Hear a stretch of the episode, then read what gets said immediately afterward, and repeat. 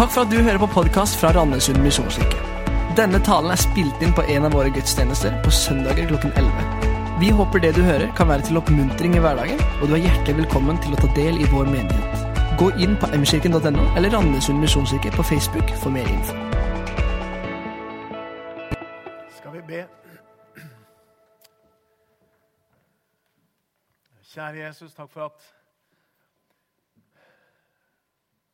At vi kan være her i dag, og så kan vi kjenne på en sånn takknemlighet, Herre, over hva du har gjort for oss, og hva du har gjort i våre liv, Herre. Jeg takker deg for denne dagen som samler oss, Herre. At vi kan få lov til å minnes og feires at du blei født. Takker deg for det budskapet som vi kan få lov til å lese. Ordet som vi kan dele, Herre. Og så ber vi, Herre, at du må tale inn i våre liv, Herre, denne dagen her. Du ser hva den enkelte av oss trenger å høre. Du ser hva, hva vi dypest sett lengter etter, Herre. Hva vi har behov av. Og så ber jeg at du skal betjene oss, at du skal møte oss, Herre, denne formiddag. Vi legger resten av gudstjenesten, vi legger ord som skal deles, Herre, i dine hender. Ber at du skal åpenbare. Gi oss det vi trenger, Herre. Amen. Se, jeg forkynner dere en stor glede. En glede for hele folket. Ja, slik var det englene sa, sang der ute på marken den julenatt som vi minnes, og som vi feirer. Og når vi ønsker hverandre god jul, eller gledelig jul, så er det som et ekko nettopp av englenes budskap og englenes hilsen. Vi kan ønske hverandre en god jul fordi julen bringer oss gledens budskap. Bringer oss de gode nyhetene. Julens evangelium. Og så er det sånn at Julen er en gledens høytid. Og vi synger det i mange av sangene. Og mange av juletradisjonene på en måte har noe av dette elementet med glede i seg. Og så vet vi det at det er ikke alle som kjenner på det. Noen ganger så kjenner man nettopp i juletiden med alle de forventninger, tradisjoner og minner som på en måte fyller denne høytiden, kanskje aller mest på sorg, savn, smerte. Det som ikke ble, det som ikke var. Så er det sånn med julen at eh, det på en måte forsterkes, disse følelsene. Både de gode, gleden, men også noen av de såre følelsene. Og så er det likevel mitt ønske at uansett hvordan vi har det, vi som er her, og uansett hvordan vi kjenner det, uansett hvilke følelser som ligger på en måte øverst eller tettest på oss, så skal vi få lov til å ta til oss av dette gledens budskap som julen og julens evangelium er. Det er et fantastisk budskap. Det er fantastiske gode nyheter. Og selv om de har blitt forkynt i 2000 år, så er de like sterke, like aktuelle og like friske egentlig som første gangen. Jeg har lyst til å dele med dere noen, og fra noen vers i Lukas' evangelium eh, som vi allerede egentlig har hørt. Men englenes sang og englenes budskap har jeg lyst til at vi skal se på. Og så har jeg lyst til å peke på tre gode nyheter fra disse ordene. Fra englenes hilsen. Og Det ene det er dette at julen er for alle. Jeg har lyst til å si noe om. Jeg har lyst til for det andre å si noe om at vi har en frelser. Og for det tredje at Jesus bringer verden fred. Så Det er de tre punktene jeg har. Englenes budskap har flere ting vi kunne ha snakka om, men jeg har lyst til å konsentrere meg om dette. Og Det første er altså dette julen er for alle. Og Det står slik i Lukas 2 og fra vers 8. Men det var noen gjetere der i nærheten som var ute på marken og holdt nattevakt over flokken sin. Med ett sto Herrens engel foran dem og Herrens herlighet lyste om dem. De ble overveldet av redsel, men engelen sa til dem, frykt ikke. Se, jeg forkynner dere en stor glede, en glede for hele folket. Så Den første gode nyheten er altså dette at evangeliet, julens budskap, er for alle mennesker. Alle kulturer, til alle tider, alle folk, alle grupper, om de er store eller små, så har de på en måte en tendens til å plassere mennesker i hvem som er øverst, og hvem som er nederst. Sånn er det jo fort både, både i venneflokken og i nabolaget. ikke sant? Hvem har innflytelse, og hvem har ikke så, fullt så innflytelse? Hvem er privilegert, hvem er ikke privilegert? Hvem er innenfor, og ikke minst, hvem er utenfor? Til alle tider så rangerer vi mennesker, andre og hverandre, i disse kategoriene. Den fantastiske nyheten som, som jeg tenker julens budskap peker på, det er jo dette at uansett hvordan samfunnet plasserer ulike mennesker, så er evangeliet, julens budskap, det er for alle. Uansett de kategoriene.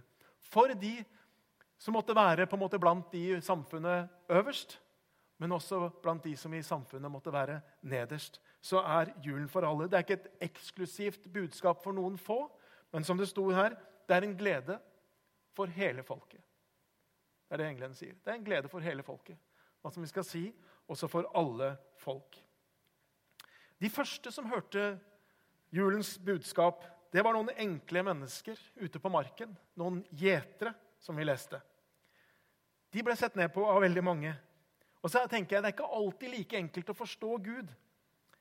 Hva er meningen med at det var akkurat disse da, som skulle få lov til å høre englenes budskap denne natten? Jeg kunne veldig godt tenkt meg at det var andre steder hvor på en måte et englekor hadde større impact. F.eks. i Jerusalems tempel, som jo ikke lå veldig langt unna. Liksom hvis de hadde hatt forestillingen der, så hadde på en måte så mange flere sett og hørt og visst om det. Eller i Herodes palass. Eller i Romas eh, torv. Eller på Akropolis i Aten. Altså Tenk liksom, hvor mange som kunne ha sett det på en gang. Den som skrev omtrent sånn som dette Tenk deg at du er med i det der englekoret. Klarer du å se for deg det? Du er med i englekoret, ikke sant? og så har dere øvd. La oss si 200 år. For såpass må det jo være. Det er jo verdenshistoriens største begivenhet ikke sant? som får alle Nobelkonserter og OL-åpninger sammenlagt ikke sant? til å blekne. Det er verdenshistoriens største begivenhet. 200 år har man øvd på dette repertoaret. Crewet har rigga scene og lys og lyd i 100 år, kanskje. Og så er tiden kommet. Generalprøven er gjennomført.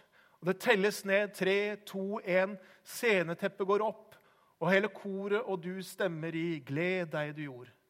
Og så ser du seks vettskremte gjetere. Var det alt?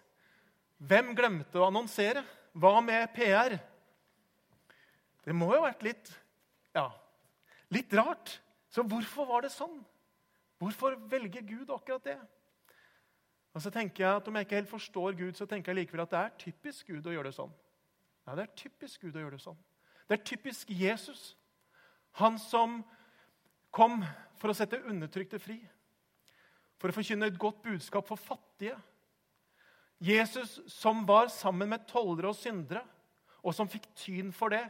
Jesus som berører de spedalske og ga de fysisk nærhet som de antageligvis ikke hadde hatt på mange år. Sånn var Jesus. Han var ikke redd for å bli sett sammen med de som ingen andre ville bli sett sammen med. Og Derfor er det typisk Jesus at det er nettopp noen av disse parikaste-gjeterne som får denne opplevelsen. En PR-konsulent ville jo ikke anbefalt det. Han ville jo valgt et annet sted. Men Gud velger det. Kanskje er du kjent med hvordan hyrdene eller gjeternes status på denne tiden eh, var veldig lav. De klarte ikke å overholde de rituelle renhetskravene og bli sett på som urene. sånn rent rituelt og religiøst. De var sikkert også skitne. De levde ute, de levde sammen med dyr. Eh, de ble ikke ansett for å være troverdige vitner i en rettssak. Og de ble, liksom, Ryktet var at de var et tjuvepakk, og de var røvere. Om de var på en måte kriminelle sånn jevnt over, det vet man ikke. Men det var liksom det ryktet de hadde. at sånn var det. Jeg tenker Gjeterne i juleevangeliet viser oss hvor inkluderende dette budskapet er for hele folket, som det sto. Og så er det ikke bare på en måte gjeterne, de laveste, men vi ser også at de fromme i tempelet Anna Fanuels datter, Simeon Når Jesus skal omskjæres på den åttende dagen, og de tar ham med til tempelet, så får nettopp disse to et spesielt møte med Jesus. De som hadde venta og lengta etter å se Messias. Og Simon han sier, 'Nå har jeg sett Herrens frelse. Herre, nå kan du la din tjener fare.' Ja, Da holdt det. Og I Matteus evangeliet så ser vi en tredje gruppe. og Det er jo de vise menn som har fulgt stjernen. Astrologer eller astronomer eller hva det nå var. Og så er jo de på en måte rike, helt sikkert, og de var på en måte fornemme i sin kultur. Men i den jødiske konteksten så var jo de på en måte også utenfor mennesker. Guds løfte gjaldt jo ikke de. Det gjaldt jo bare for jødene. Og så viser juleevangeliet gjennom dette hvordan det er ikke bare for ett folk, men det er for alle folk. Og det sprenger, den type grenser. Alle religioner i denne verden er knyttet til et land, til et folk, til en kultur.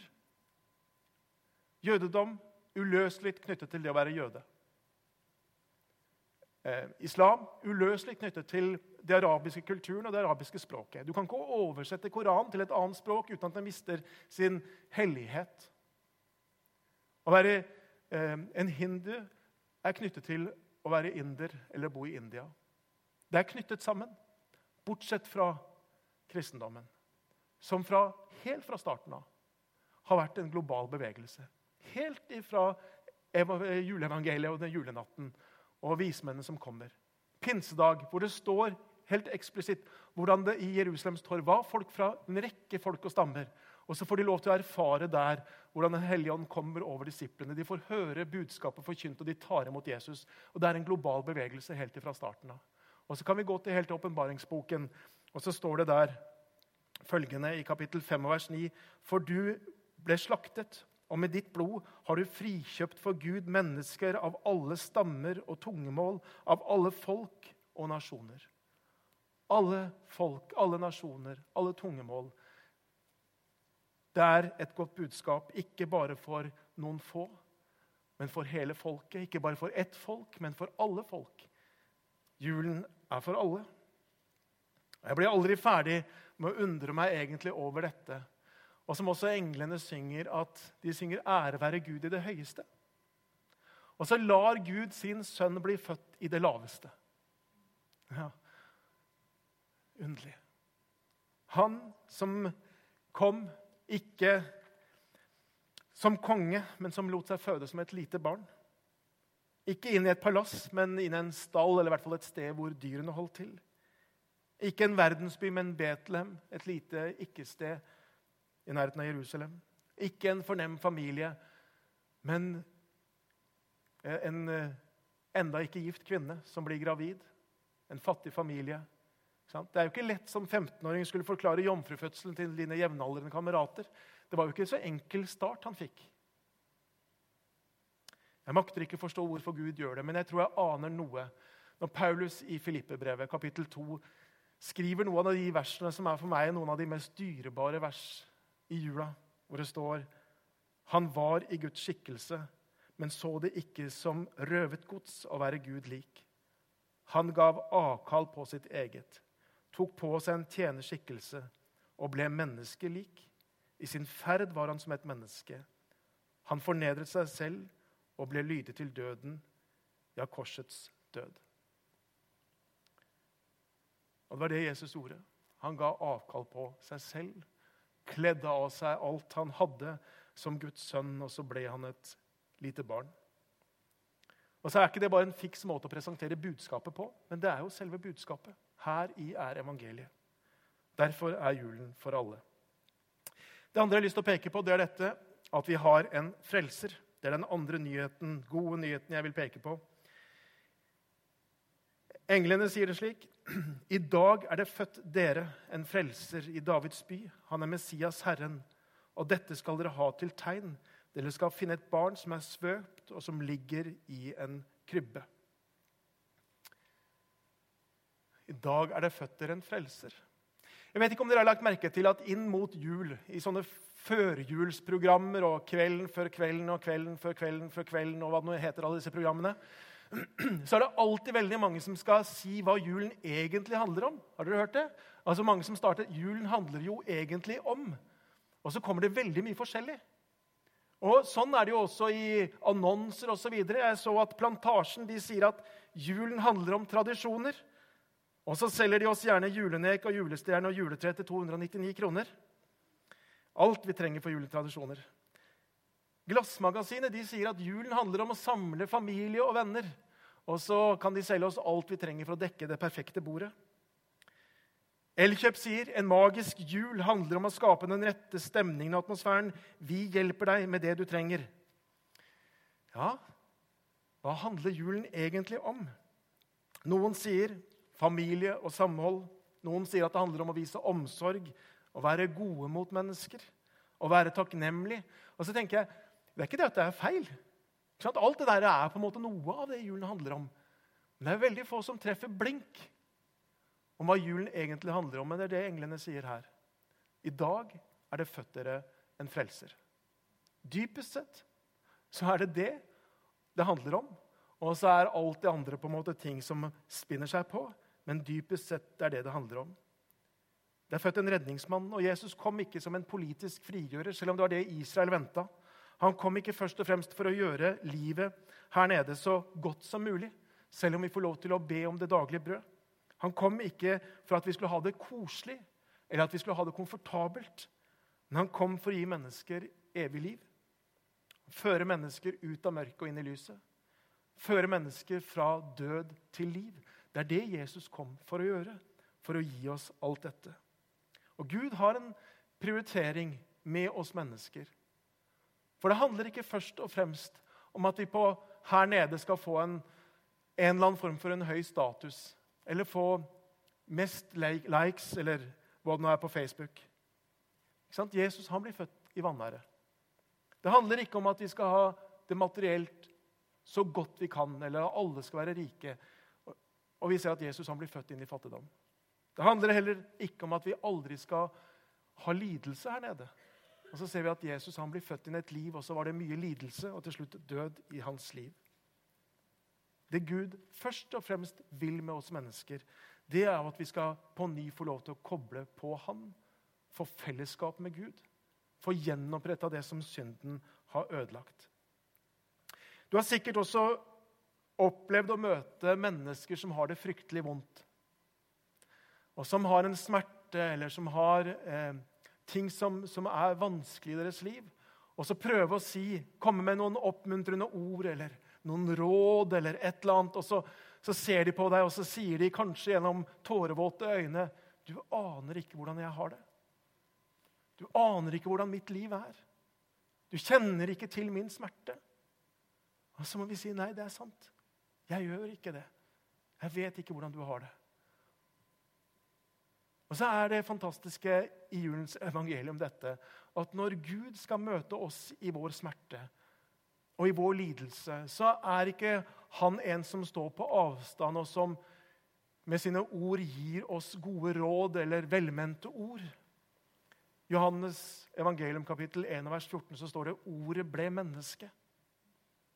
Han kommer ikke bare på en måte mot oss, men han kommer til oss. Han blir menneske. Han blir oss slik, og hebreerbrevet sier det sånn.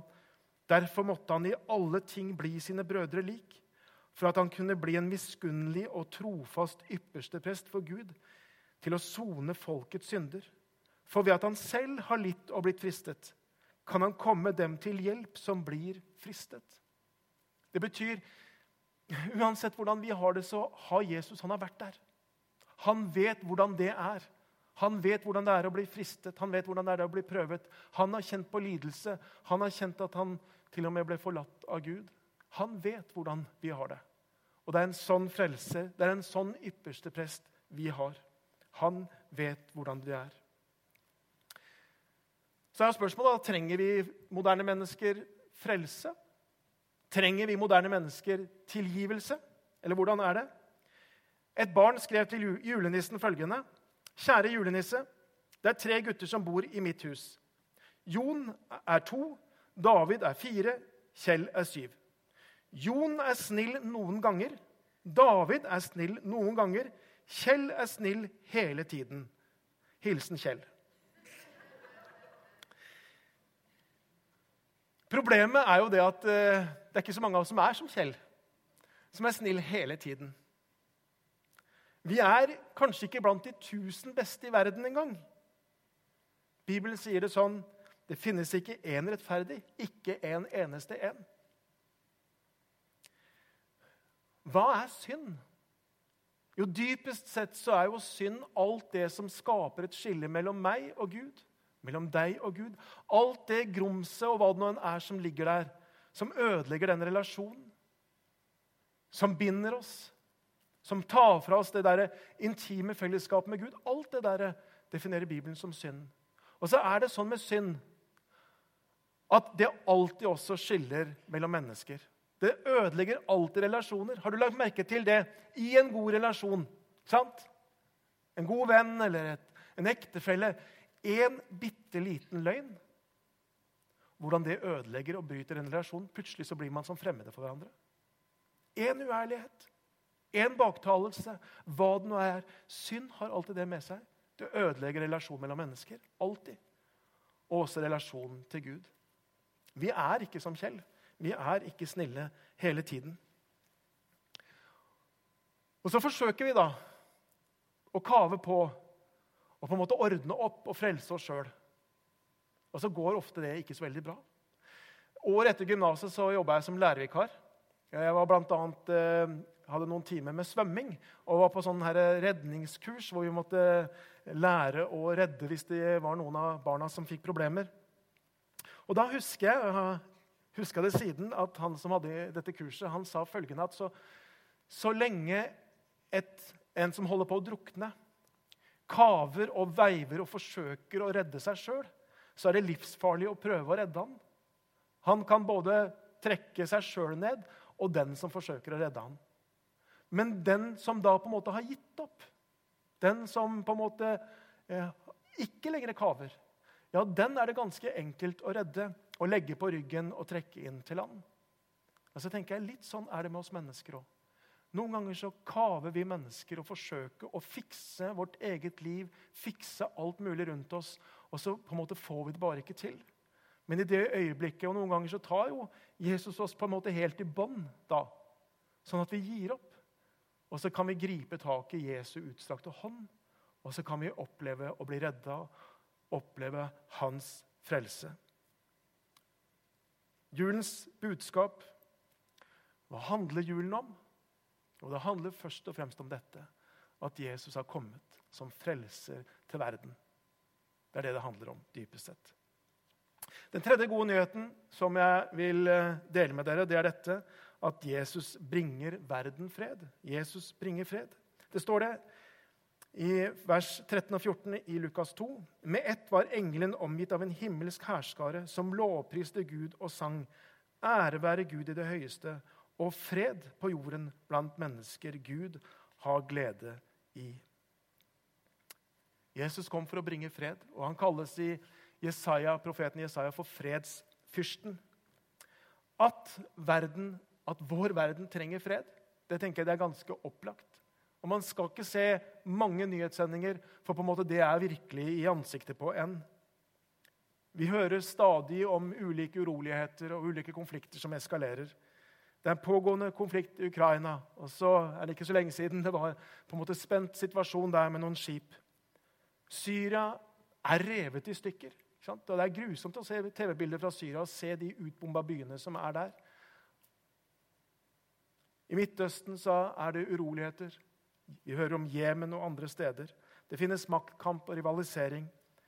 Det er terroranslag, også nylig. Og så merker vi noen ganger hvordan på en måte noe av dette kommer nærmere oss. ikke sant? Så går man i gaten i Oslo og så ser du at det er masse sånne stengsler rundt omkring. Sånn at ikke biler skal kunne komme, kjøre inn og treffe menneskemengder. Og så blir vi minna om det hele tiden, at det er en annen situasjon. Nord-Korea brisker seg og skaper usikkerhet rundt seg. Og slik kunne vi ha fortsatt og fortsatt. Og På TV så ser vi bilder noen ganger av mennesker som er lemlesta og som ligger på sykehus. Andre som står bak mitraljøser eller kanoner. Verden trenger fred.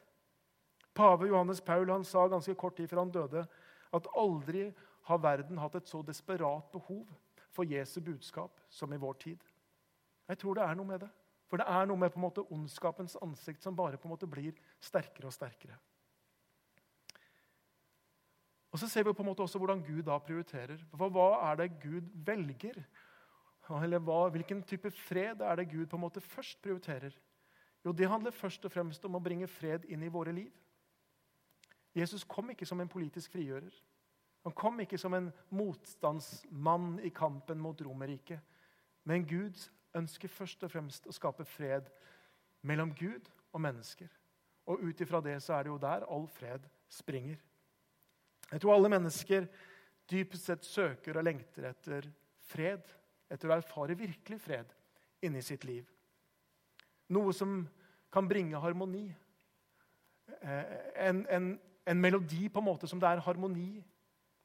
Og så søker mennesker etter alt mulig for å finne det som dypest sett bare Jesus kan gi.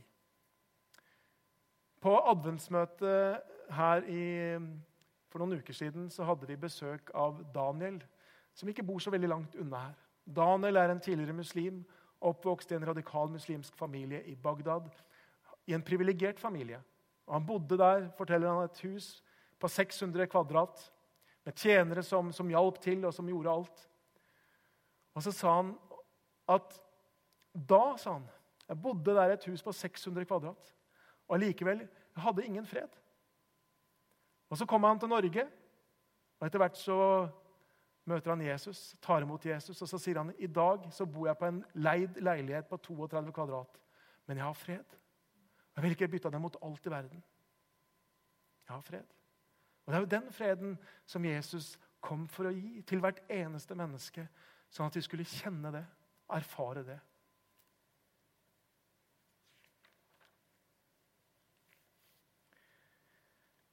Og så tror jeg også at Jesus kommer for å gi fred og håp mellom mennesker og mellom nasjoner og mellom riker.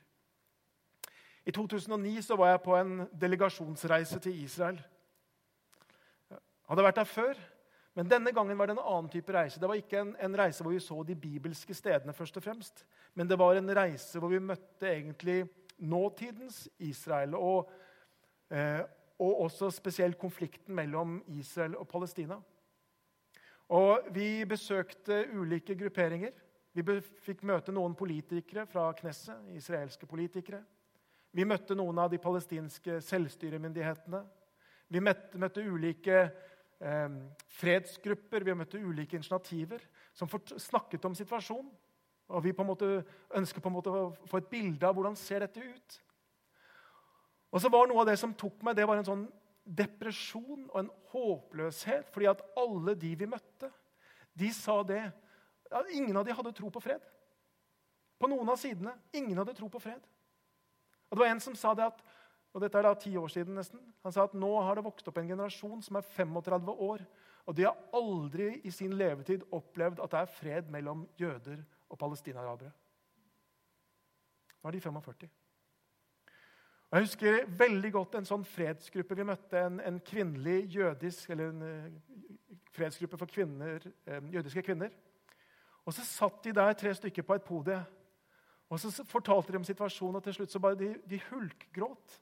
Og så sa de at vi har ingen tro på at det noen gang blir fred. Det var en sånn fortvilelse. Men så var det ett sted som vi så at det var noen som på en måte både modellerte og som hadde tro på fred. Og Det var i det israelske bibelselskapet i Jerusalem. Da møtte vi to personer, to menn, to menn på 35, tenker jeg.